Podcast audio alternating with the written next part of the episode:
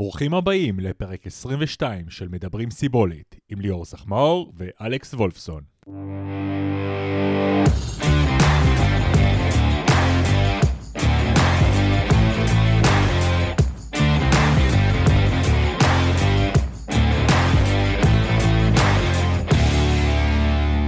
אהלן ליאור, מה נשמע?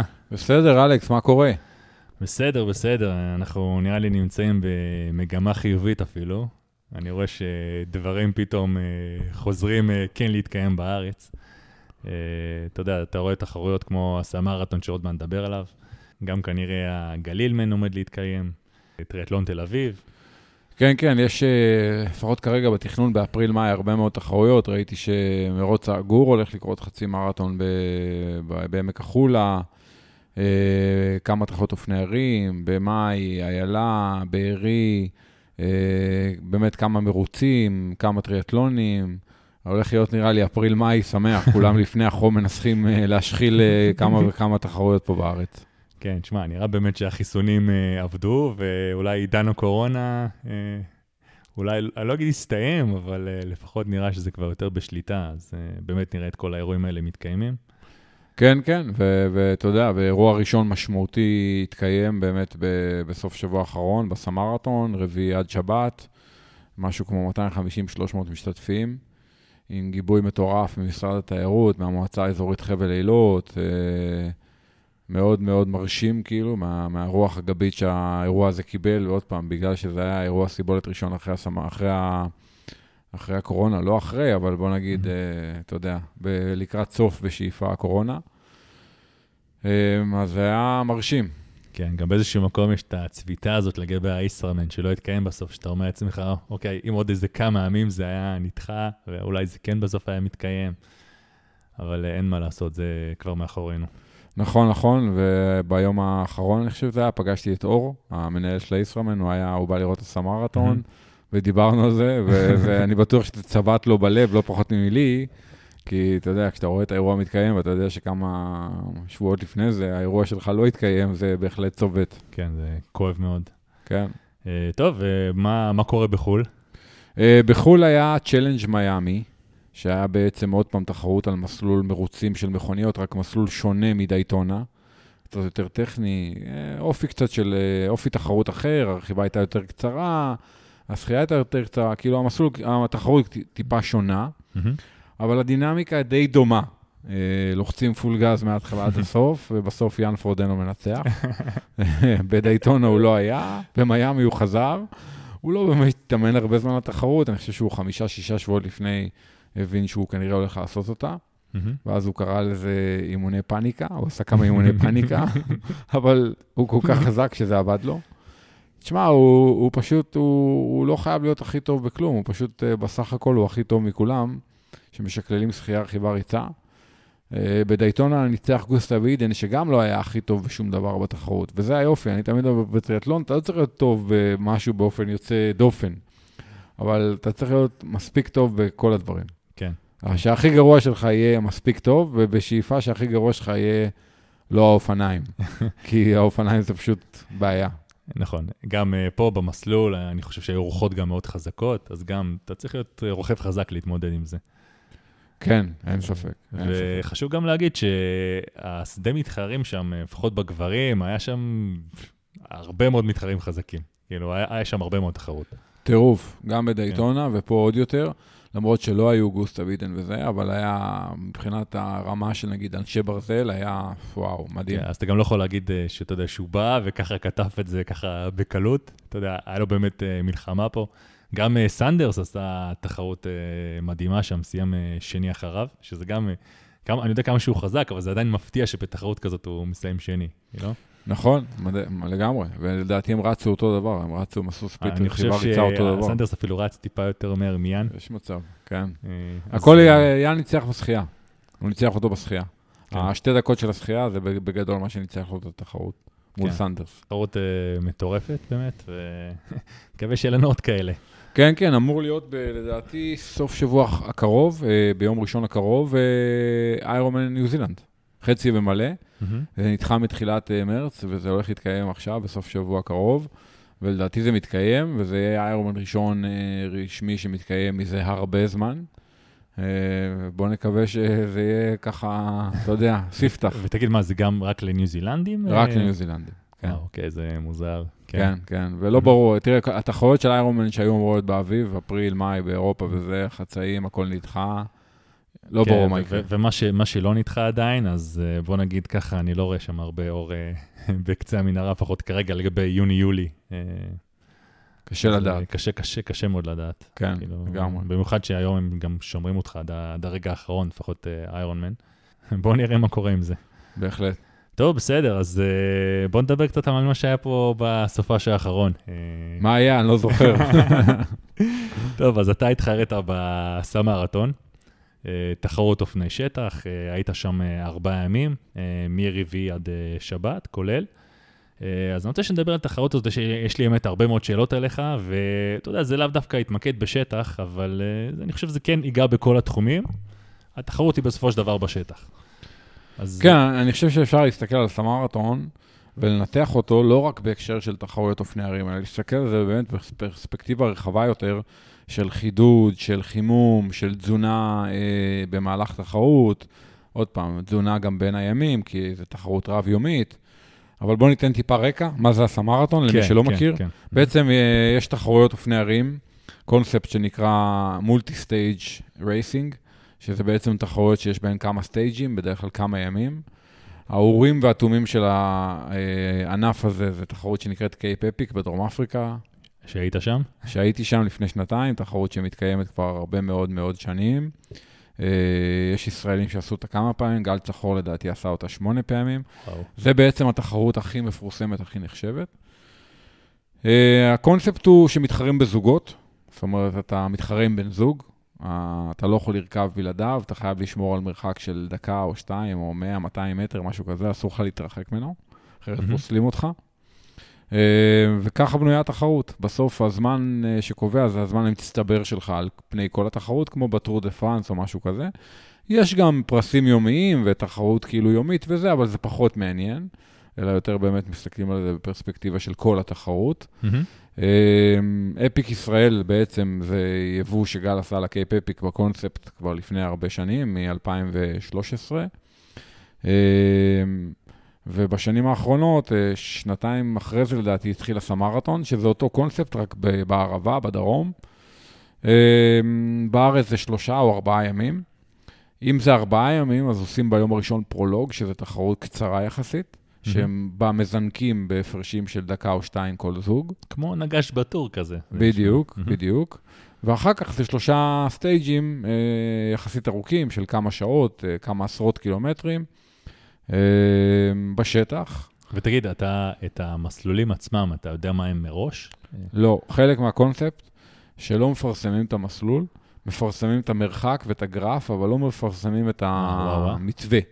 כאילו שלא תוכל ללכת להתאמן על המסלול אחד לאחד, אבל הרבה פעמים די יודעים פחות או יותר איפה זה הולך לעבור. זאת אומרת, אם יש איזשהו סינגל חדש, אז כנראה שמתישהו תרכב עליו, או משהו כזה. זאת אומרת, אה, הרבה פעמים קל יחסית לנחש חלק מהמסלול, אבל בהגדרה אתה לא יודע את המסלול. כן, כי בתכלס, אם אתה מכיר את המסלול, זה יתרון די גדול בתחרות שכזאת, לא?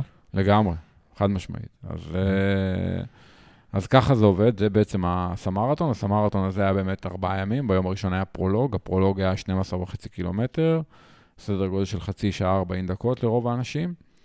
אה, ואחר כך היינו עוד שלושה ימים, עוד שלושה סטייג'ים, חמישי, שישי, שבת, אה, בערבה, במדבר, אה, סינגלים, מדהים, שמע, זה נשמע מטורף. לגמרי. זה, וזה ספורט מאוד מאוד שונה מאיש ברזל למשל, אוקיי? אני תמיד אומר שאם איש ברזל זה נגיד חליפה ועניבה כזה, זה מעונב כזה, זה מסודר, זה... אה, לגל צחור יש לזה שמות אחרים שאני לא אגיד אותם פה, כי זה קצת אה, לא נשמע טוב, אבל כשהוא צוחק עליי אז הוא אה, קורא לנו באופן אה, מסוים, לטריאטלטים. אז האופני הרים זה בדיוק הפוך. זה מין משחק כזה, זה פרי סטייל יותר, זה להיות עם כובע הפוך כזה, ולהיות ברדקיסט, ואתה חצי גולש כזה. זה המון אדרנלין, המון רעש. אה, זה מאוד אינטנסיבי, אגרסיבי, זה מאוד מאוד מאוד שונה מהספורט שאתה ואני עושים בדרך כלל, מהאיש ברזל. כמה אה. פעמים התרסקת בארבעה ימים האלה? אה, פעם אחת, פעם בזינוק של יום חמישי, כן, ממש אחרי 200 מטר. אה, אבל עוד פעם, זה מאוד שונה. אה, מי שנכנס לזה, בדרך כלל מתאהב בזה. דווקא בגלל שזה נורא שונה. מי שנגיד בא מאיש ברזל, זה פתאום כאילו לקחת כל מה שאתה יודע ולהפוך את הכל ב-180 מעלות. ממש ככה. שמע, נשמע, נשמע מעניין. אה, טוב, אני רוצה קצת לדבר באמת על ההכנות שלך לדבר הזה. איך אתה, איך אתה מתכונן לבאמת משהו של סטייג' של ארבעה ימים כאלה? כי, אתה יודע, בוא נגיד ככה, ביום-יום אתה לא יוצא יום אחרי יום אה, לרכב כאלה מרחקים, וגם לא בשטח. אז איך, קודם כל, איך אתה בכלל מתאמן למשהו כזה? לתחרות רב-יומית. אה, שמע, פשוט עומס, אה, קודם כל, על הסמרטון הספציפי הזה לא באמת התכוננתי. אה, כי א', לא ידענו אם הוא יקרה או לא, וב', התכוננתי לישראמן, הייתי רשום לחצי ישראמן, ואני רוכב על אופני הרים בשוטף, אבל לא הרבה. אז לא באמת התכוננתי. התכוונתי לעשות את זה 12 יום אחרי החצי ישראמן, וידעתי שאני לא אתאושש לגמרי ואני לא אהיה פיקס, אבל זה היה הרעיון. על הדרך. כן, אז לא באמת התכוננתי, אבל באופן כללי, כשמתכוננים לתחרות אופני הרים כזאת של אה, רב-יומית, אז בדרך כלל... אה, גם עושים אימוני אופני הרים, עושים אימוני trainer, תלוי מי, חלק מהאימונים על הכביש, אבל גם עושים רצפים של אימונים, כלומר בלוקים. כי אתה רוצה לדמות את היכולת לרכוב יום אחרי יום, נגיד בלוקים של שישי-שבת ובלוקים של בשאיפה חמישי-שישי-שבת, ואולי אפילו ארבעה ימים. Mm-hmm. יש המון חשיבות לתרגל את העניין שלה לרכוב כמה ימים ברצף אה, בעומס גבוה, עם הרבה TSS נקרא לזה. אה, וזה בעצם הדבר הכי חשוב בהכנה בעיניי, כאילו, בסוף לתרגל את העומס המצטבר וללמוד להתמודד איתו, אה, ללמוד להתאושש מיום ליום, לאכול מיום ליום, לישון מיום ליום, לעלות על האופניים בבוקר כשאתה מרגיש מחוסל ואין לך כוח אפילו לעשות חימום, mm-hmm. וכן לעשות חימום, וכן להיכנס לעוד יום. אה, אז הדבר הזה, זה, זה לב ההכנה בעיניי. נשמע כיף. כן, לא, לא, זה... תשמע, אתה עולה על האופניים, אתה מרגיש מחוסל לפעמים, ואתה אומר, תשמע, אני לא יכול לרכב היום. אבל אז אתה מתחיל ואיכשהו... אה, כן, כן, אני, בקי פפק, אני אומר לך, זה שמונה ימים, אה, אחרי שלושה, ארבעה ימים, אתה אומר, זהו, אני, זהו, עד כאן, ועכשיו אני כבר, זהו, אני מחוסל, ועכשיו נשארו עוד ארבעה ימים, ואתה, בסוף אתה איכשהו נוסע אותם. אה, אבל זה, זה חלק גדול בעיניי מההכנה, ולכן הרבה מההכנה בעיניי לתחרות כזאת זה להסתכל בפרספקטיבה של שבוע, למשל TSS או כמות שעות או דברים כאלה, ולא רק על החד-יומי הזה, כמה רכבת, באיזה עצימות או משהו כזה, אלא באמת לעשות בלוקים של עומס כדי להתכונן, להכין את הגוף ואת הראש לעומס שצפוי לו בתחרות הרב-יומית, כאילו. אה, יש גם המון חשיבות, נגיד, להבדיל מאיש ברזל, שאתה עושה תחרות, גומר, מסיים אותה וזהו. פה, בגלל שאתה אמור לקום ולהתאושש, כאילו, לקום למחרת ולזנק כן. לעוד stage, אז יש פה המון חשיבות למה אתה עושה מרגע הסיום של ה stage עד רגע הזינוק של ה stage הבא. רגע, חכה, אני עוד אגיע לשם. סבבה. אמ, אתה רוצה לדבר על מה? על חידוד, על כן, חימום? כן, כן, אני רוצה לשמוע קצת באמת על החידוד, על ה taper לתחרות שכזאת. מה, מה אתה עושה נניח אה, בשבוע, שבועיים לפני התחרות הזאת? לפני תחרות, אה, אתה יודע, ארוכה כזאת? אז קודם כל, 12 יום לפני זה לא עשינו ישראמן, אבל עשינו סוג של... אה, אירוע, אירוע קבוצתי כזה תחרותי באילת באמת, והייתי מאוד עייף אחריו. בסך הכל האירוע הזה היה שש שעות מצטבר, בעצימות מאוד גבוהה, אז הייתי עייף, לא יודע אם כמו אחרי חצי ישראמן, אבל כנראה לא מאוד שונה. אז קודם כל לקחתי כמה ימים באיזי, mm-hmm. ולא לא נלחמתי על, אה, אתה יודע, לא, כאילו, הרבה פעמים אנשים נלחצים. אומרים, אה, בוא'נה, יש לי סמרתון, כן, נשאר כן. שבוע, בוא נלך להתאמן כל יום ארבע שעות. זה טעות. כי הלחץ הזה להתאמן, הוא בדרך כלל, האפקט שלו הוא הפוך ממה שאתה מתכוון. זאת אומרת, במקום להכין את הגוף לתחרות, אתה מתיש את הגוף, אתה רק אולי מסדר לעצמך טיפה את הראש, כאילו, בקטע הפסיכולוגי, שכאילו התאמנת לתחרות, אבל בשבוע, עשרה ימים האחרונים זה כבר די שטויות, כי פיזיולוגית כבר לא תצליח לעשות הרבה. אז אני כבר למדתי את זה ב-20 שנה האחרונות, ולא הלכתי לעשות את זה, ולא נלחמתי, ולא עשיתי שום מימון אופני הרים ארוך. אז בוא באמת נגיד, אה, יש לך עכשיו שבוע, טוב, פה באמת לך מרביעי, אה, אתה יודע איך התחרות התחילה ביום רביעי? בוא כן. נדבר מרביעי לפני עד רביעי הבא. אז אני לא? לא זוכר עכשיו בעל פה, אבל uh, בגדול, אני יכול להגיד לך ששחיתי קצת, רכבתי קצת אופני הרים, ביום שישי נגיד רצתי, ואז בשבת לא התאמנתי בכלל, כי הייתי באיזה טיול, אוקיי? ארבעה ימים לפני הסמרתון, ולפני 15 שנה נגיד, הייתי, זה היה הורג אותי. שאני לא מתאמן כמה ימים לפני תחרות. כן, בראש, כאילו, בראש כן. היית... ועם השנים למדתי שזה הרבה פעמים רק טוב. אתה יודע, תנוח יום אחד, הכל טוב, לא יקרה כלום וזה. ואז באמת חזה, טיילתי כאילו משישי עד שבת, שישי עוד הספקתי לרוץ בבוקר. ואז ראשון רכבתי שעתיים, ושני רכבתי... ש- שעתיים אה, בחוץ? איך... אה, שעתיים בחוץ על בשטח? אופני הרים, על כן, הרים, מהמם. כן. שני רכבתי שעה על אופני הרים, ושלישי רכבתי שעה אה, על אופני הרים, אבל רק ש- בכביש. תגיד, נניח של- שלישית שאתה אוכל בכביש אימון כזה, נניח יום לפני התחרות, מה זה מהמם. אימון כזה עצי, מין אה, אינטרוולים באמצע? או- כן, כן, כן. שעה שרוב הרכיבה היא רגועה, אבל יש כמה מקטעים של כמה דקות חזקים. כאילו, בעצם להכין, לגייס את ה... כאילו... בדיוק, גוף. לגייס את Mhm. הגוף, לגייס את השרירים, את ה- את היחידות המוטוריות, אה, מה שנקרא בשפת הרוכבים leg openers כאלה, אתה יודע, שפותחי כן. רגליים, שאתה כן. נותן כמה דקות לחיצה. זה גם טוב לראש, כאילו, זה מכניס גם את הראש לאיזשהו טונוס מסוים. אה, אפשר לעשות את זה לפי ואטים מוגדרים, אפשר לעשות את זה לפי תחושה. אה, הרבה פעמים זה על הטריינר, אבל דווקא הפעם עשיתי את זה בחוץ, כי גם רציתי לראות שהאופניים, הכל עובד תקין והכל. אבל את זה יום לפני כבר עשיתי את זה על הכביש, כדי שלא יהיה לי פאנצ'ר ושלא יהיה כן, זה, כן. ושהכול יהיה יותר מדויק. עשיתי את זה על הכבישים פה באזור, בנופית, אתה יודע, את העלייה של כפר חסידים וכאלה.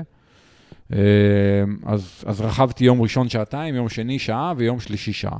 סך הכל רכבתי ארבע שעות, כאילו בשלושה ימים שלפני יום רביעי, שזה היה הפרולוג. שבפרולוג אתה יכול לעשות גם חימום מאוד ארוך.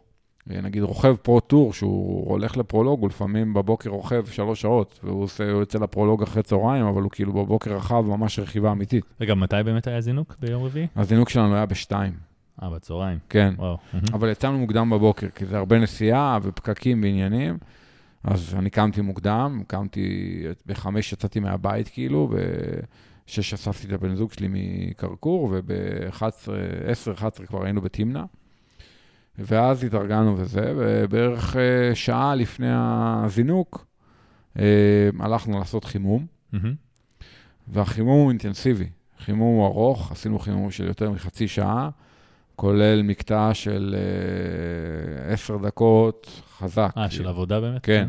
כי- ב- זהו, כי בדרך כלל דווקא אנחנו, לפחות מהטריאטלון, אני רגיל שאם אתה עושה חימום לפני תחרות, אז בדרך כלל זה גם, כמו שעשית, דומה מאוד ליום לפני שאמרת, לג אופנרס כאלה, שדווקא, לא יודע, דקה חזק, אה, ואז אתה עושה איזה חמש סטים כאלה, תלוי, אבל לא לא עשר דקות עצים, שזה... אז עשינו, עשינו, כן, עשינו איזה עשר דקות, אה, ממש ככה, על איזה 300 ואט כזה, אתה יודע, ממש ככה, כי רציתי להגיע לזינוק מזיע.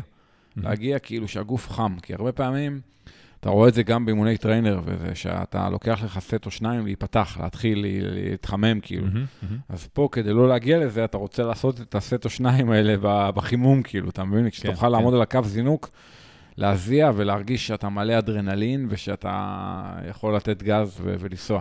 גם צריך להגיד שהזינוק בתחרות כביש או תחרות של אופני הרים זה קצת שונה ממה שאנחנו מכירים, וזה די פראי, ואתה יודע, הדקות הראשונות היו על מעל 350 ואט, אוקיי? זאת אומרת, אה, ארבע וחצי ואט לקילו כזה אה, לפחות. כי בסופו אוקיי. של דבר אתה רוצה בעצם למצוא את עצמך כמה שיותר מקדימה, וכמה שפחות יחסמו לך את ה... אה, פה זה לא הייתה בעיה כל כך, כי זינקנו כל שתי דקות, אבל אתה פשוט רוצה לנסוע חצי שעה בוואטים מאוד כן, גבוהים, כאילו אתה, תיאורטית אתה אמור לעשות את החצי שעה הזאתי, זה מאוד תלוי כמה המסלול טכני, אבל בוא נניח, ש... נניח שהמסלול לא טכני, אתה אמור להיות מסוגל לנסוע אותו מעל ה-FTP שלך, אוקיי? כאילו, אין פיזיולוגית, אין, לא אמורה להיות בעיה. כן, כי אמרת גם 30-40 דקות, אז אה, זה כן. נשמע הגיוני. כן, קשוח, קשוח, אבל הגיוני. כן, אז כן. עוד פעם, יש אלמנטים טכניים וזה מוריד לך את הוואטים, כי אתה לא יכול לנסוע, לא יכול ללחוץ על הפדלים חזק כשאתה בקטעים טכניים, בירידות, מדרגות, סלעים. אז זה קצת אה, שונה בהקשר הזה באופני הרים. אבל אה, זהו, אז עשינו באמת ביום הראשון את הפרולוג הזה, שהיה, לקח לנו 33 דקות, משהו כזה. מהמם. אה, ואז אתה אומר, אוקיי, מה אני עושה עכשיו כדי להגיע כמה שיותר טוב ליום שלמחרת? כן, אז בואו בוא נדבר עכשיו באמת על התזונה. כאילו, מה התזונה, ההתאוששות, איך... אה, אז אה, תראה, קודם כל אני, אתה יודע, בסוף כל סטייג' לקחתי שייק חלבון, מהמם. והכנסתי גם חלבונים, גם פחמימות, גם מלחים, הרבה נוזלים. בעצם אתה צריך לחשוב על בעיניי ארבעה דברים, נוזלים, מלחים, פחמימות, חלבונים.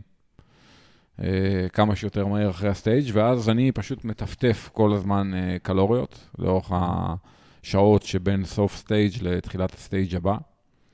אה, ואיך כאילו עוד איך אתה לא מגיע לאכול, אתה יודע, גם יותר מדי, שביום למחרת גם לא תרגיש כבד, או... אז אתה אוכל לפי תחושה, אני אישית לא סופר קלוריות או מודד משהו, ומה שכן, אני לא אוכל הרבה בשר בימים האלה. אני בשוטף אוכל בשר, אני לא טבעוני או צמחוני או משהו, ואני... אבל במולטי סטייג' כזה אני לא אוכל הרבה בשר, כי הבשר הוא הכבד, כאילו. כן. אז אני אוכל קצת עוף וקצת זה, אבל לא משתדל לא לאכול יותר מדי בשר. אה, עדיף חלבון, נגיד שייק חלבון, או חטיפי חלבון, או דברים כאלה, או ביצים, לא, לא דברים כבדים מדי. אמ, אז אתה יודע, כאילו, אני גם אוכל את הארוחות, כאילו, אם אפשר, נגיד בסמרתון בסוף כל יום נתנו לנו ארוחה, הייתה בעיקר פחמימות, אורז, פסטה וזה, וחוץ מזה בערב הייתה ארוחת ערב, שגם היה פחמימות, חלבונים, היה בשר.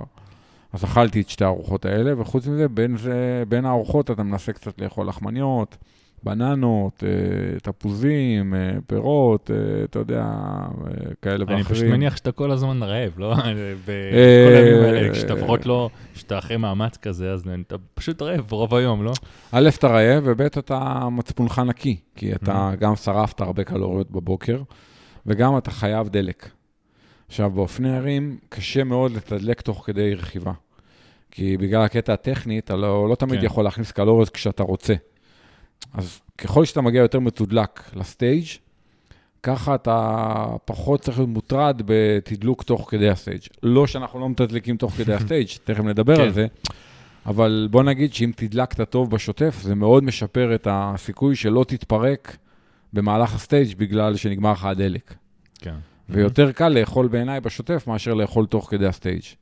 עוד פעם, אני מנסה לעשות גם וגם. אבל קונספטואלית, כאילו, הוא אה, מולטי סטייג' רייס זה לא זמן טוב לדיאטות. צריך לאכול ולאכול הרבה.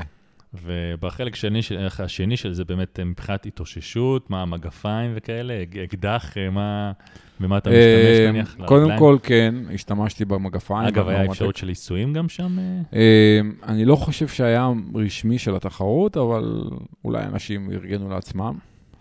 אה, אני לא עשיתי עיסויים, השתמשתי בנורמטק, ושכבתי הרבה מאוד על הרג... עם הרגליים למעלה במיטה, והשתדלתי לא להסתובב יותר מדי על הרגליים, לא ללכת בשמש יותר מדי, לנוח, לאכול, אה, לשתות, ולהיות כמה שיותר רגוע ורפוי בשעות שבין סוף סטייג' לסטייג' הבא. שמה מה הממוצע של ההתחלה? ש- כאילו, ביום הראשון אמרת זה היה בשתיים, אבל בשאר כן, הימים? אה, התחלנו בשמונה, סיימנו בסביבות אה, 11-12 כל יום, כלומר משהו כמו 3-4 שעות. מהמם. אה, יש לך זמן, יש לך הרבה שעות כאילו, ואתה פשוט כן, זה גם- זה מתקלח, גם מכין את מפתה הדברים. קצת, כאילו, אתה קשה לפעמים, אה, אתה יודע, לנוח באמת, להישאר במיטה כל, כל, כל הזמן, אה, כל השאר היום, ובסוף אנשים לפעמים מוצ- מוצאים את עצמם אה, מסתובבים הרבה, וגם מתעייפים אה, סתם. לא, זה נכון, גם, אה, נכון, מסתובבים בשמש וזה, ואני משתדל לא לעשות את זה, אלא באמת לנוח, לשתות, לאכול, להיות עם הרגליים למעלה. אה, ולהתאושש כמה שיותר טוב ל stage הבא. זה בעצם הרעיון, להגיע ל stage הבא עם, במצב הגופני הכי טוב שאתה יכול להיות. כן, ובאמת עכשיו, שאתה ב stage עצמו, בוא נדבר קצת על אה, תזונה ב stage, איך, אה, איך זה עובד בדיוק. אז תראה, אני התחלתי כל יום עם שני בקבוקים על האופניים, והבקבוקים האלה היה GU Roctane, שזה מהמם. בעצם האבקת איזוטוניה המתוגברת, האיכותית ביותר של GU. אה, ואז יש לך בסביבות 250-300 קלוריות בכל בקבוק הזה, וגם מלחים ו-BCAA והכול. וזה בעצם די סוגר אותך, אם אתה רוצה, לשעתיים הראשונות, סדר גודל. כי אה, המזג האוויר גם עדיין יחסית אה, בסדר, לא? שהיה חם? היה חם, היה חם, אבל מבחינת נוזלים, קלוריות וזה, זה די סוגר אותך לשעתיים הראשונות. ואתה מקבל המון קלוריות בבקבוקים. עכשיו, אני תמיד אומר, באופני הרים, כשאתה מוריד יד, אם אתה יכול, עדיף לך לקחת באותו, באותה הורדת יד גם נוזלים, גם מלחים וגם קלוריות. כי אתה לא יודע מתי פעם הבאה תוכל להוריד יד. כן, כן. הרוקטן הוא פתרון טוב, כי אתה מוריד את היד, אתה גם מכניס נוזלים, כן, אתה לא צריך לפתוח כלום, אה, אתה כן. פשוט... אה, אתה מוריד את תמפה, היד כן. לשתות, אתה שוט, בעצם מוריד את היד, לוקח בקבוק, הכנסת גם נוזלים, גם קלוריות וגם מלחים, באותה הורדת יד. מהמם. במקום להתחיל עכשיו להוריד יד, לקחת כדור מלח, לשתות איזוטוני עם מעט קלוריות, לאכול חטי... אתה מבין, אז צריך המון פעמים להוריד את היד. אז ה Roctane בהקשר הזה, הוא פותר לך את הבעיה ואתה מצמצם את הורדות אז- היד. רגע, אתה גם, אז אתה לא הסתמכת בכלל על תחנות באמצע הדרך? אה, אה? מילאנו כן אה, מים אתה ואיזוטונים ממש צריך לעצור, אה, אתה בתחנות. עוצר וממלא, או שאתה אה, מקבל בגח זהו? בפ- ברוב הסטייג'ים עצרנו פעם, שני סטייג'ים עצרנו פעם אחת, ואולי אחד הסטייג'ים עצרנו פעמיים. ב stage הארוך של יום שישי. כשאתה ממלא, אתה ממלא בעיקר מים או איזוטוני, אתה, צ- אתה, קלוריות לא הייתי צריך מהתחנה. היה לי ג'לים עליי. אה, אני מניח שבזמן שאתה עוצר זה גם טוב, זה גם זמן טוב לתת איזה ג'ל, לא? אה, אתה יכול, כן, אתה יכול. אה, אני משתדל בדרך כלל לעוף מהתחנות תזונה כמה שיותר מהר, אז לא, לא להתמהמה שם. אז אכלתי ג'לים, ושתיתי את האוקטן, וזהו. זה, זה היה התזונה שלי. אני אישית לא לקחתי כדורי מלח בכלל, אה, באמת? לא הרגשתי שאני צריך, זה כן. מפתיע אותי דווקא, כי אתה כן. דווקא בדרך כלל כן לוקח. לא, לא, לא הרגשתי שאני צריך, כי גם באמת בגלל האיזוטוני והג'לים וזה, הרגשתי שיש לי מספיק מלחים, לא היה לי שום בעיה, לא התכווצויות, לא לא כלום. סיימת, אתה יודע, לא היה לך לבן כזה, את המלח מלח על הבגד שסיימת? לא, לא, Mhm. כלום, כלום. אבל עוד פעם, זה מאוד פרסונלי, אני מכיר הרבה מאוד אנשים סביבי שלקחו מלא כדורי מלח, וזה בסדר, זה אחלה. כאילו, הם עשו מה שהם הרגישו שהם צריכים לעשות, וזה, וזה טוב. מהמם. ותגיד, עכשיו באמת אה, נחזור רגע לסטייג' עצמו, שאתה רוכב. אה, בדרך כלל אני יודע שבכביש אה, אתה בדרך כלל בקדנס יחסית נמוך. אתה די כזה, נכון? אתה נוטה לכיוון ה-72, 80 ככה, בגבולות האלה. מה, מה קורה על אופני שטח? כאילו, יש... עוד יותר נמוך. עוד יותר נמוך? אצלי כן, באמת? כן, באמת? כן. עוד פעם, זה מאוד תלוי אם אתה מגדיר בגרמין שהוא כולל את האפסים או לא.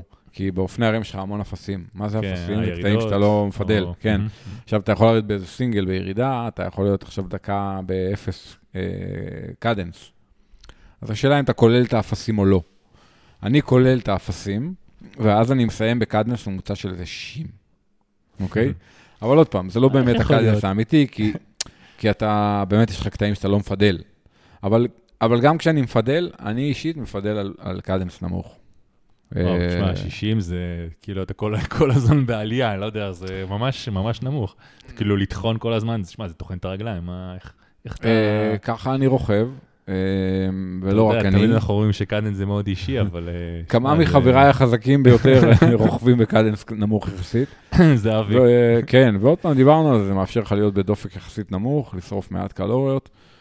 כנראה שזה גם קשור לגיל, כנראה שעם הגיל הקדנס יורד. אני חושב שיש קורלציה בין הגיל לבין הירידה בקדנס, אני רואה את זה אצל רוב האנשים. אה, אבל כן, סיימתי על 60 ממוצע כזה ליום, משהו כזה, כן. תשמע, זה ממש ממש מפתיע אותי, אני אגיד לך את האמת. כאילו, נראה לי, אני, אני כאילו לא רואה, לפחות כשאני חושב על עצמי, עושה נניח דבר כזה, לשמור קדנס כזה יום אחרי יום, וואו, זה כאילו לטחון את הרגליים, זה נשמע לי שאתה... אתה אמנם אבל- מתקדם, אבל uh, עדיין. כן, אני רוכב ככה גם בשוטף, גם באימונים, אז זה לא באמת אה, משנה מבחינתי, אני רגיל לזה, כאילו. תשמע, מעניין. קודם הזכרת שהתרסקת בתחילת אחד הסטייג'ים. זה כאילו, אתה יודע, אתה כבר מתחיל את הסטייג' וזה סוג של אה, התחלה גרועה. קודם כל, איך אתה, איך אתה, איך אתה יוצא מזה? אה, מה שקרה שם בהתחלה, ב stage ה- ביום חמישי, וה stage בעצם הראשון הארוך, אה, יצאנו מתמנע, והיה שם איזה מבוך כזה של אה, קצת סללום כזה בתוך הכפר, והיה שם רכב מוביל שבעצם נקרא זינוק מתגלגל, אתה יוצא ברכיבה יחסית איטית, אסור לעבור את הרכב המוביל, ואחרי זה הוא נותן גז, ואז אתה יכול להתחיל בעצם להתחרות. אז בשלב הזה, שעוד הרכב היה מקדימה, היה קצת צלט, כולם מנסים להתמקם טוב לקראת הקטע שהוא ישחרר אותנו לתחרות. ופשוט מישהו נגע במישהו, הם נפלו לפניי, ואז אני נתקעתי בהם ונפלתי גם. מה זה, אה, נפל, זה נפילה לצד או התהפכות קדימה כזה? אה, נפילה אה, כזה לא נוראי, אבל חטפתי כמה שפשופים. אבל אתה יודע, קמתי מהר, ראיתי שלא קרה לי כלום, וגם לא קרה כלום לאופניים. ו... אגב, השותף שלך בזמן הזה, הוא רואה בכלל שאתה נופל, הוא מקדימה, איך, איך זה עובד מהבחינה הזאת? אה, הוא היה מקדימה. הוא, לדעתי הוא לא ראה.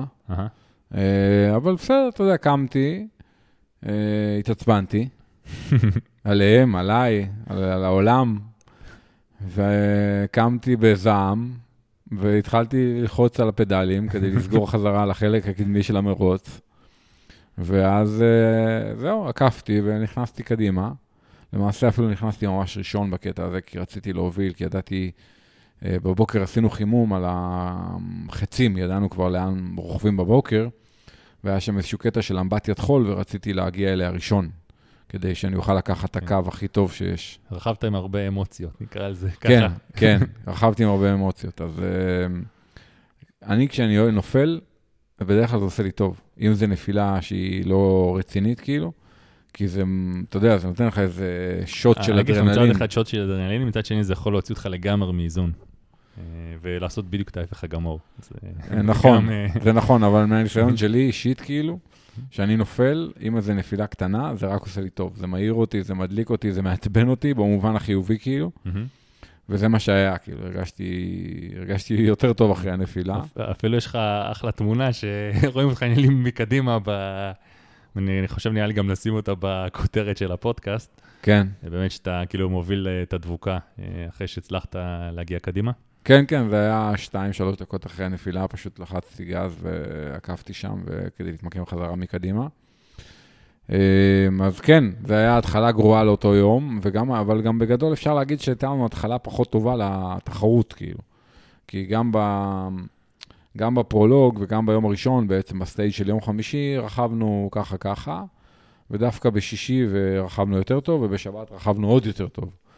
עכשיו, זה, זה מאוד מעניין ב multi stages האלה, בתחרויות האלה של הכמה ימים.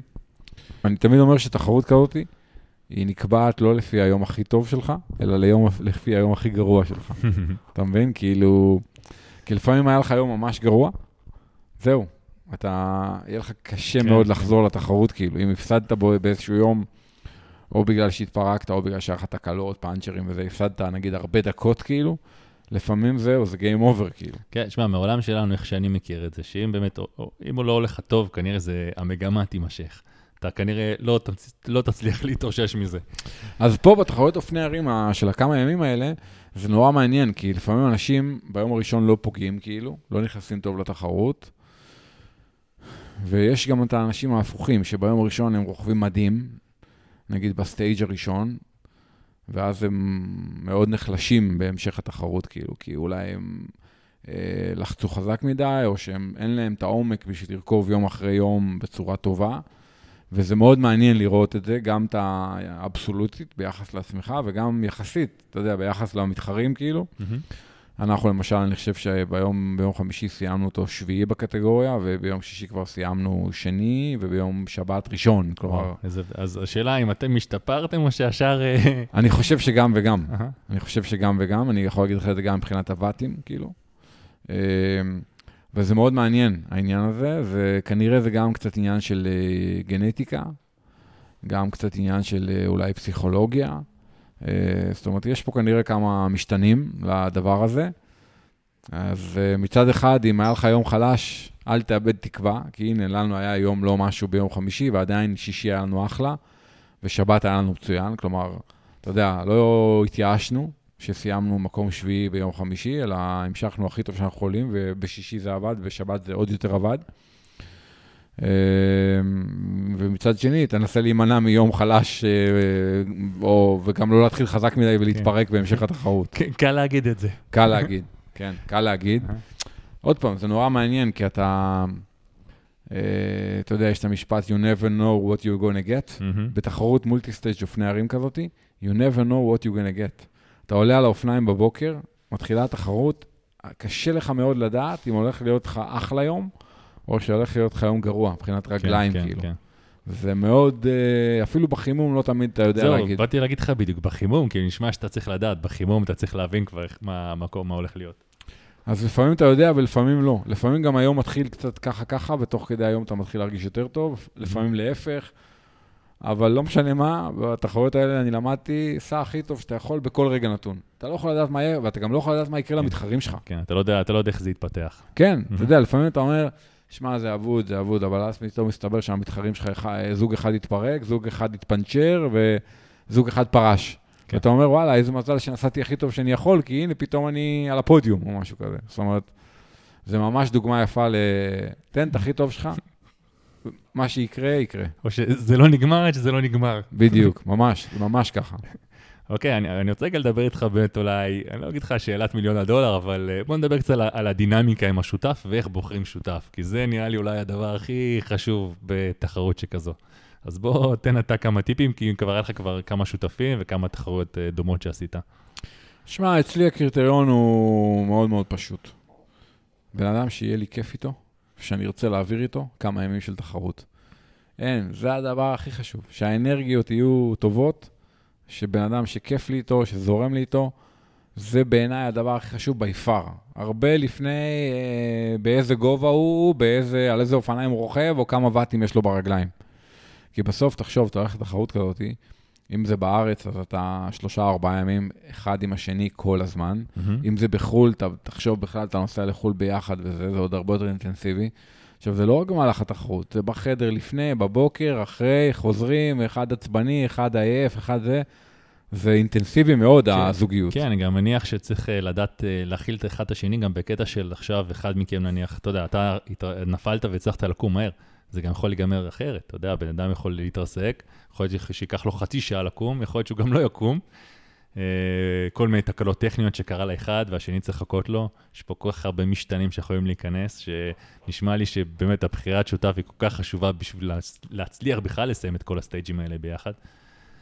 אה, מאתגר. אני מסכים איתך. אני עוד פעם אומר, אני חושב שזה קודם כל קשור לבן אדם ולהכרה של הבן אדם, שזה בן אדם באותו ראש שלך, שאתה מסתדר איתו ושיש לך vibe טוב איתו.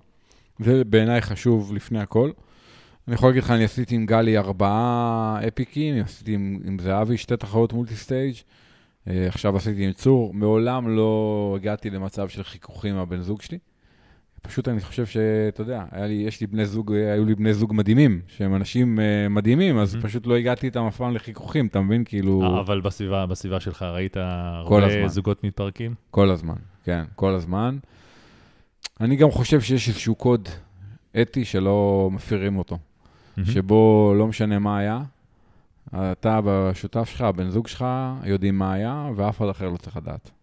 אתה מבין? כאילו, אה, אני לא אגיד לך אף פעם, השותף שלי עשה ככה, אמר ככה, אה, רכב ככה, הבן זוג שלי זה, ואני גם מצפה שלא יגידו עליי, כאילו. רק אם זה פרגונים. אם זה פרגונים, אז אין לי בעיה.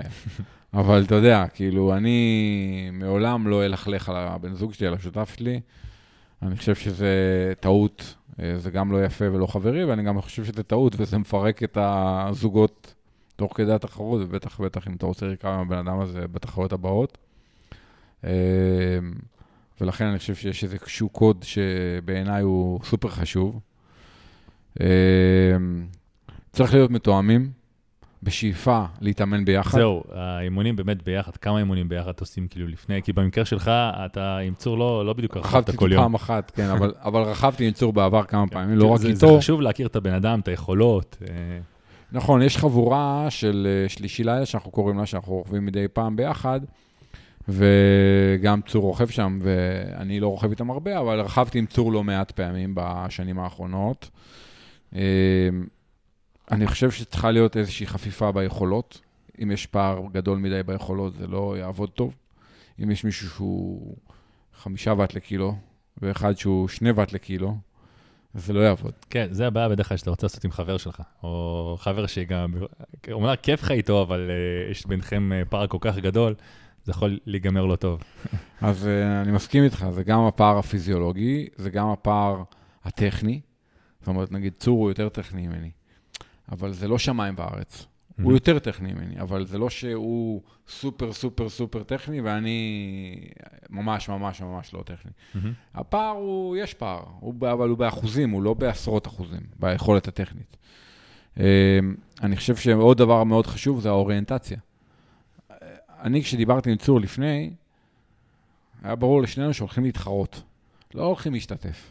מהמם. אנחנו הולכים להתחרות, המטרה היא אה, לסיים במיקום הכי טוב שאנחנו יכולים בתחרות, ובטח ובטח בקטגוריה שלנו. אתה חייב להיות באותו עמוד עם הבן זוג שלך. אם אתה בא לטייל והוא רוצה להתחרות, אז מתישהו זה לא ייגמר טוב. יהיו חיכוכים כן, ויתחיל זה הכסח. תיאום ציפיות. בדיוק, תיאום ציפיות. אני Mhm. חושב שזה מאוד מאוד חשוב. אני חושב שעדיף ששני אנשים יהיו פחות או יותר באותו גודל פיזיולוגי, זה יתרון. למה? אני אתן לך דוגמה, אם יש אחד שהוא נגיד 60 קילו ואחד שהוא 90 קילו, מהמם. לפעמים מה שיקרה זה שאחד בעליות יהיה חבל על הזמן והשני יעכב אותו, ואז במישור רק אחד יוכל להוביל, אבל הוא יהיה עייף מהעלייה, אתה מבין? אז הוא לא יכול להוביל, כי הוא כן, עייף כן. מהעלייה, ההוא של ה-60 קילו הרג אותו בעלייה, עכשיו מגיע מישור, ה-90 קילו אמור להוביל במישור, אבל הוא גמור מהעלייה, אז, כן. אז הוא גם לא יכול להוביל. כלומר, כשיש פערים בפיזיולוגיה, בגודל, לפעמים זה לא עובד טוב. אה, עדיף ששני בני הזוג יהיו פחות או יותר באותם ממדים, עוד פעם, לא חייבים להיות זה, אבל כשהפערים גדולים מאוד, אה, לפעמים אני רואה שזה בעיה. אה, אז אתה יודע, זה, זה לדעתי לב העסק, כאילו, גם היחסים הבין-אישיים והקשרים, גם היכולת הפיזיולוגית, היכולת הטכנית, התקשורת, התיאום ציפיות, כל הדברים האלה לדעתי הם המפתחות. מהמם. יפה. אה, וצריך להגיד שסיימתם במקום השני כללי, נכון? אה, שני במאסטרס. מצטבר בתחרות. היה stage אחד שסיימנו שני, נדמה לי, ביום שישי, ובשבת אה, ראשונים במאסטרס. אבל כללי על התחרות סיימנו שני במאסטרס. בכללי בתחרות, סך הכל סיימנו במקום רביעי, רביעי. כן. היו זוג ילדים, במרכאות, בני 19-20 שניצחו, עוד אה, חן שרייבר, תום יצחקי, שהם צעירים, הם הגיעו לפנינו. הזוג שניצח במאסטרס, שרון וניר, אה, הגיעו לפנינו, הם הגיעו בעצם שלישי כללי בתחרות, ואנחנו הגענו רביעי בכללי בתחרות, כן. הבנתי. ועוד דבר ששמתי לב, באמת שנראה שהפעם בסמרתון היה הרבה מאוד uh, טריאטלטים. אתה יודע, טריאטלטים שפתאום uh, רוכבים בשטח, שזה כבר uh, גם מגמה שדיברנו עליה בפודקאסטים uh, קודמים. אבל uh, וואו, תשמע, ראיתי באמת הרבה חולצות של כל מיני אנשים שאמרתי, וואו, כאילו, הם uh, עברו לרכב בשטח. ונשמע שזה רק uh, מתגבר ומתגבר. קודם כל, כן. המגמה הזאת הולכת ומתחזקת, אני חושב שהקורונה גם מאוד עזרה לה. מהמם. אני חושב שאני אישית אה, מאוד מעודד אותה ודוחף אותה. אני חושב שזה גם נכון מבחינה בטיחותית, כי עוד פעם, אני טוען שלרכוב על הכבישים בארץ זה סכנה, ועדיף לעשות את זה כמה שפחות, רק בשבת, רכיבי ליווי, במקומות מסוימים. אה, אז באמת הטריינר נותן פתרון, אבל אנשים רוצים לרכב גם בחוץ, למשל בימי שישי וזה, והאופני הרים זה אחלה פתרון. גם למי שגר במרכז, ובטח ובטח למי שגר בפריפריה. אה, מקצועית, אני חושב שזה אחלה כלי. זה גם משפר את הפיזיולוגיה וגם את הטכניקה. ואתה יודע, אימון של אופני הרים, 3-4 שעות, זה אימון מקביל לאימון אופני כביש לא פחות טוב, אולי אפילו יותר טוב, מהמם. כי יש לך הרבה יותר אה, אינטרוולים ופיקים ושינויי קצב ושינויי עצימות, והצורך לסובב גלגל שיש לו הרבה יותר התנגדות, אה, גורם לזה שאתה פשוט צריך ללחוץ על הפדלים יותר חזק. וזה, אתה יודע, ואין מנוחה, כי גם כשאתה בירידה, אתה לא נח, כל הגוף עובד, ואתה לומד לרכוב באינטנסיביות אה, הרבה זמן רצוף, ואני חושב שזה מאוד מחזק ומאוד משפר. אני תמיד אומר שכשאני חוזר מאופני הרים להנהגה, שאני מרגיש כאילו פתאום שזה מין סימולטור כזה, שנורא קל לנהל, לנהוג אותו, כי זה הכל נורא מבוקר כזה, ונורא רגוע ומונוטוני. אז אני לא אומר שאני לא מזלזל בזה, אבל זה פתאום הרבה יותר קל, אחרי שאתה חוזר מהאופני הרים. כן, רק באמת, אה, אתה יודע, השאלה תמיד עם טריאטלטים, שגם ככה הם עושים שלושה ענפים, אז מתי הם ידחפו גם שטח? במקום. במקום. כן, ו- כן, זה מחזיר במקום. אותי, כאילו, אני יודע שבארצות הברית נניח, יש, אה, יש נניח עונות אה, לתחרויות מסוימות, כמו גראבל כזה, אז בדרך כלל נראה לי זה בסוף השנה, וזה מאוד מתחלק אה, לפי עונות בשנה, מתי יש תחרויות ספציפיות. אפשר להגיד שגם הסמרתון, אתה חושב על זה, אם לפחות לא היה את הישראמן, או איכשהו היה יותר מרחק ביניהם, אז נשמע שגם יש זמן להתאמן לזה באיזשהו אופן, או לתחרות כזאת, כי זה לא בדיוק תמיד מתנגש גם עם התחרות של הטריאטלון, נכון? לגמרי, אני, אני חושב שכשאתה רחוק נגיד מהאיש ברזל שלך, לפחות פעם בשבוע לרכוב אופני הרים במקום trainer, זה אחלה אימון. אתה יודע, אם בן אדם. נגיד ממוצע עושה פעמיים נגיד בשבוע trainer, ועוד פעם אחת רוכב על הכביש, אז נגיד שהוא מוריד פעם אחת אה, trainer, הוא, הוא הופך את זה לאופני הרים, זה אחלה אימון, מכל הבחינות. פיזיולוגית, כן. טכנית, אה, אה, וגם מבחינת הפאן, אה, ולכן אני מאוד בעד, אני לא חושב שזה בעייתי. אני כן חושב שבחודשיים, שלושה לפני האיש ברזל, עדיף לא לרכוב אופני הרים, או לרכוב מעט מאוד אופני הרים, גם כי אתה רוצה לבלות יותר על האופני נג"ש, בתנוחת נג"ש, וגם בגלל הסיכון שבנפילות, כי באופני הרים אין מה לעשות, כן. נופלים. כן, נופלים, נכון? אין, אה, כן. אין דרך אחרת, כאילו, כן. אין, אה, אתה לא יכול אה, לעבור בלי זה, לפחות אם אתה באמת אה, מתמין בזה. תשמע, גם אני רואה אותך נופל כל הזמן, אה, זה חלק מהעניין. באופני אה, הרים זה חלק מהעניין. בוא נגיד ככה, גם בכביש, אה, אם אתה רוכב מספיק זמן, אני לא, אני לפחות לא מכיר אף רוכב שלא לא נפל בשלב מסוים, אה, כמו עם כל דבר, אני מניח. כן, מסכים איתך. עוד פעם, אני תמיד אומר, אני מוכן לשבור את היד פעם בשנתיים באופני הרים, ושלא תדרוס אותי משאית בכביש. באמת אני אומר, אני, אני אומר את זה כאילו, כאילו בציניות, אבל אני. מתכוון לזה. אתה יודע, אני חושב ש... בסדר, אז אתה נופל, יאללה, אפילו שברת את עצם הבריח, או שברת צלעות, או זה לא כיף, יאללה, חודשיים אתה מתאושש, ממשיכים הלאה, לא קרה כלום. בכביש זה הרבה יותר פטאלי, ואתה יודע, ככה אני רואה את זה.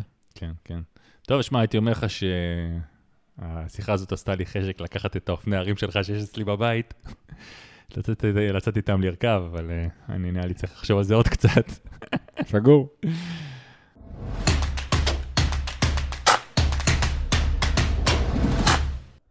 אלכס, אני רוצה רגע לדבר על הנושא שאני מאוד, אה, אתה יודע, אותי הוא מאוד מעניין ואני מאוד אוהב אה, לחשוב עליו, לדבר עליו, לקרוא עליו, זה הנושא של התחרויות.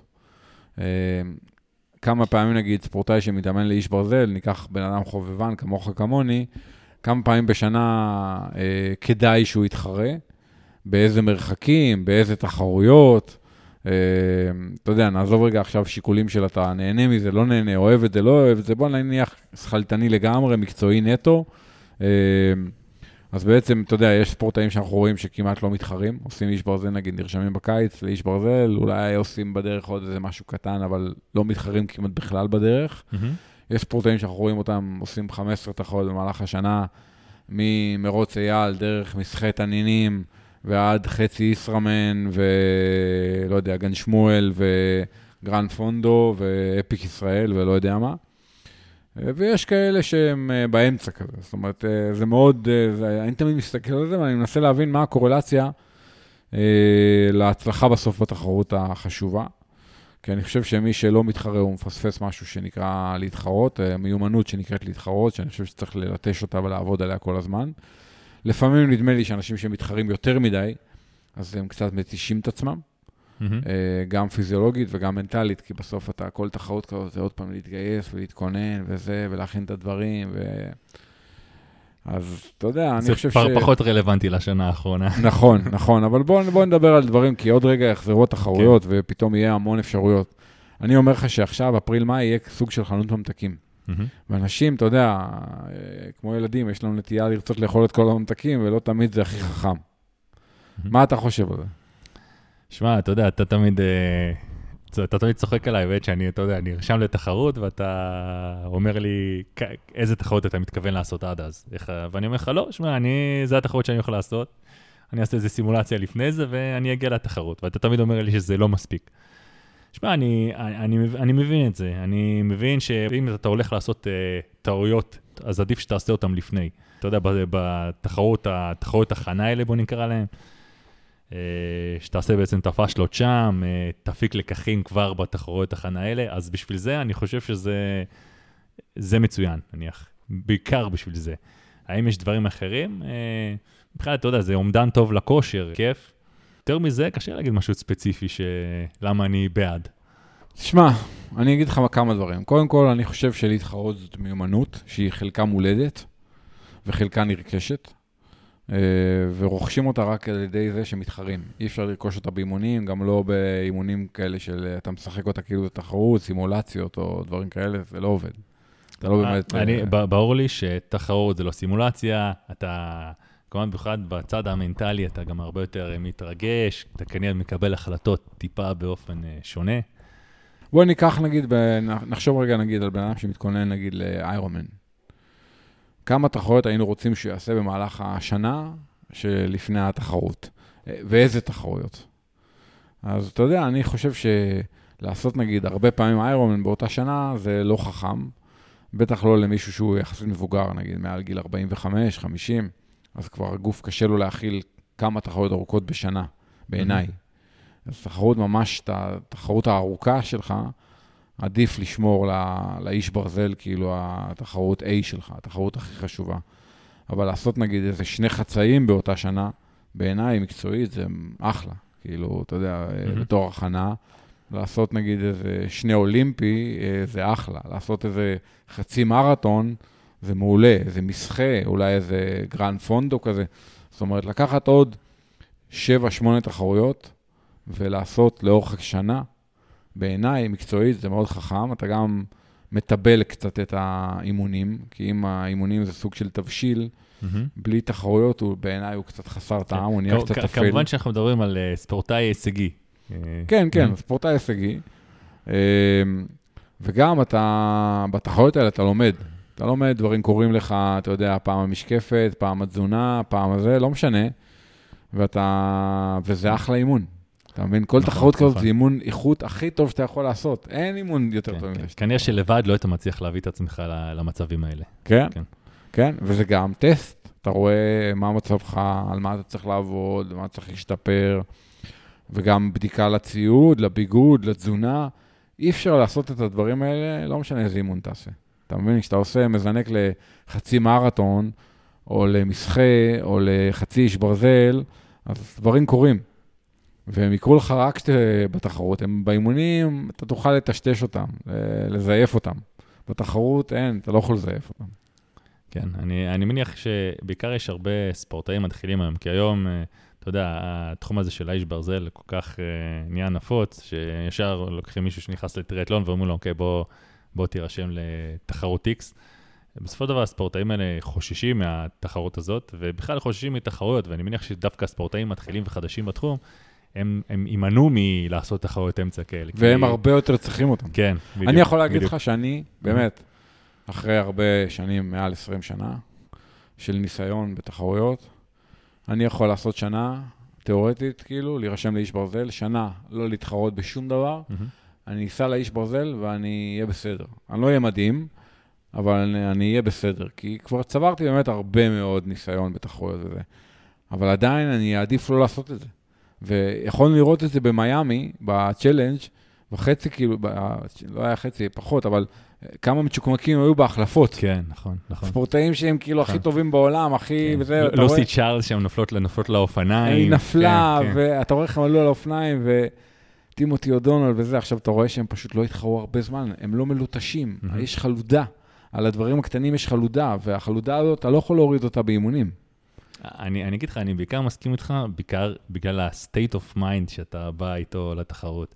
כי מצד שני, אני יכול להגיד לך, שמע, אתה עכשיו נתת לי דוגמה פה של ספורטאים מקצוענים. אני לא ספורטאי מקצוען. אני, אני לא חייב, אני לא צריך את ההחלפה הזאת בתחרות. אני לא צריך את השניות, זה לא כמו בתחרות אולימפית נניח, או ספרינט, שבהחלפה הזאת אתה יכול להפסיד את התחרות, להפסיד את הסאב, לא יודע, סאב 11, סאב 10 שאתה רוצה לעשות. אתה יודע, אני אומר, אוקיי, אה, תחרות איש ברזל, דוגמה, אה, תחרות ארוכה, זה הרבה שעות. האם באמת האולימפי הזה שאני אעשה לפני זה, האם זה באמת אה, ישפר אותי באיזשהו אופן, ייתן לי פה אה, איזה, איזה, איזה פן נוסף לתחרות שאני הולך להתחרות בה? אה, אני אגיד לך, לפעמים אני חלוק לגבי זה, למרות שאני כן מסכים איתך לגבי ה-state of mind, שזה כשאתה בא, כאילו הרבה יותר מוכן לתחרות. אני אענה לך ברוע, show me the money, אוקיי? show me the results, אוקיי? אתה יודע, אם עכשיו שנה לא היית מתחרה ואז היית הולך ועושה תשע שעות באיש ברזל, הייתי אומר, וואלה, אתה יודע מה? שיחקת אותה, כל הכבוד. אתה יודע, ואני שופט את זה ככה. הספורטאים הטובים, אלה שמגיעים להישגים, הם מתחרים. זה גם אומר משהו על הבן אדם. אם הוא לא מפחד לקום בבוקר ולעמוד על קו זינוק, והוא לא צריך כל הזמן לעשות טייפר, והוא לא בלחץ יותר מדי וזה, mm-hmm. אז זה אומר משהו גם מבחינה מנטלית, וזה גם משפר את הסיכוי שמנטלית הוא יוכל להכיל את העומס המנטלי בתחרות החשובה. ועוד פעם, אנחנו נותנים דוגמאות מאיש ברזל, אבל בעיניי, כן. נגיד, קח מרתון, זה אותו דבר. בן אדם מזנק, מתכונן נגיד למרתון, חצי שנה, mm-hmm. הוא לא רוצה ללכת למרוץ אייל, הוא לא רוצה ללכת לבית שאן, הוא לא רוצה... הוא בורח מכל התחרויות האלה. ואני חושב שזה, א', זה כבר, אני כבר אומר, רגע, למה הוא בורח? מה, ממה הוא מפחד? אתה מבין? הוא מפחד מהכישלון. אבל הוא קובר את הראש בחול, בוא גם ת, תעשה את התחרות, תתרגל את ההתנהלות בתחרות, תתרגל את התזונה, תתרגל את העצימויות. בוא נראה איך אתה מתמודד מנטלית, וגם בוא, בוא נראה מה היכולות שלך. בוא, זה סוג של טסט. ולכן, כשמישהו מתחיל לברוח מתחרויות, אני בדרך כלל, היכולת שלי לחזות מה יקרה לו בתחרות, מהמם. חשובה, היא הרבה פחות טובה. כי אני, יש איזשהו חוסר ודאות כזה שאני לא יודע איך להתמודד איתו, בניסיון שלי לחזות איזה תוצאה, נגיד, הוא יעשה בתחרות, אתה מבין? אני מבין אותך, ותגיד, דווקא בגלל הניסיון, אני רוצה לשאול, לשאול אותך עכשיו, באמת בגלל הניסיון שלך עם הספורטאים, ואתה עובד הרבה עם אה, אנשים, סטטיסטית, אנשים שמגיעים באמת לתחרות בלי לעשות תחרות הכנה לפני, מצליחים פחות? כן. חד משמעית, חד משמעית. ואיפה איפה הם נופלים? כאילו, איפה... קשה להגיד, להגדיר את זה, אבל זה בדברים קטנים, אתה מבין? כאילו... וגם, אה, עוד פעם, אני גם חושב שהם מתחילים את התחרות במצב פחות טוב, כי הם יותר מתרגשים, הם לא זוכרים איך להכין את השטח החלפה, הם לא בדיוק... זו- דברים קטנים שהם לא זוכרים איך לעשות. ואחרי זה הזינוק, פתאום הזינוק מרתיע אותם, ופתאום אה, חוטפים איזה התקף חרדה כזה בזינוק, כי הרבה זמן הם לא זינקו בזינוק ברדק כזה. כן, זהו, גם הזינוק ברדק, נכון? דברים כאלה, אתה מבין? כאילו... למרות שהיום עם הקורונה, חמישה אנשים... לא משנה, אתה. מבין אבל מה אני אומר. עכשיו עוד. פעם, אנחנו כן. נותנים דוגמאות מאיש ברזל, אבל בעיניי נכון, מרתון נכון. או אופניים זה אותו דבר, אתה מבין? כאילו, בסוף אין מה לעשות, אתה צריך לתרגל את הדבר הזה, את המתח הזה, את החימום הזה, את הזינוק הזה, ואתה לא יכול לתרגל אותו שלא בתחרות. ולכן אני, אני אישית מאוד בעד. אני לא חושב שצריך להגזים, אני לא חושב שבן אדם צריך להתאמן, אה, להתחרות כל שבוע, כי זה גם יותר מדי. אני לא אוהב את הבולמיה הזאת של תחרויות, בטח לא של תחרויות ארוכות. אנשים שעושים חמש, שש תחרויות ארוכות בשנה, אני חושב שזה טעות, זה, אה, זה מתיש אותם. בטח ובטח אנשים מבוגרים, בטח ובטח בטווח ארוך, מי שעושה את זה כמה פעמים. אני לפעמים, אתה יודע, בא לי לעשות שלושה אירומנים באותה שנה. אבל אני משתדל להימנע מזה, כי אני מבין שזה טעות, כאילו, שיהיה לי קשה לעשות, כן, יש לזה גם טוב. אימפקט רציני על הגוף. נכון? כן. מהמם. אז אה, אתה יודע, זו דעתי בעניין הזה, שלהתחרות זאת מיומנות וחייבים ללטש אותה, גם כדי לנסות לשפר אותה, ואם היא כבר טובה, אז אפילו לשמר אותה. כלומר, אם בן אדם כבר יודע להתחרות, הוא לא יכול להניח שהוא יודע להתחרות. זה כמו כל דבר, אתה צריך מדי פעם לעשות איזה כן, שנייה, אני אימון. מבין אותך, זה כמו, כמו כל תחום אחר בחיים, אם אתה לא עוסק בזה, ואתה לא, לא עושה את זה, אז אתה שוכח איך עושים את זה פשוט, אתה פשוט לא עושה את זה באותה צורה, טוב באותה צורה. בדיוק, ככה אני חושב, ממש. ו- ועוד דבר שאני רוצה לחדד ככה, לפני שנסיים באמת, ש... אתה יודע, אנחנו מדברים גם הרבה על סימולציות, איך לעשות סימולציות, ושוב פעם אני אגיד שאף סימולציה היא לא באמת כמו התחרות. לגמרי, חד משמעית. אין, אתה לא יכול... אתה יכול לשחק בנדמה לי, אבל אתה עדיין יודע עמוק בפנים שזה כולה סימולציה וזה לא באמת התחרות, לא יהיה תוצאות אחר כך אה, באינטרנט ולא, אה, לא יודע מה, אין מה לעשות, אתה לא יכול לעבוד על עצמך.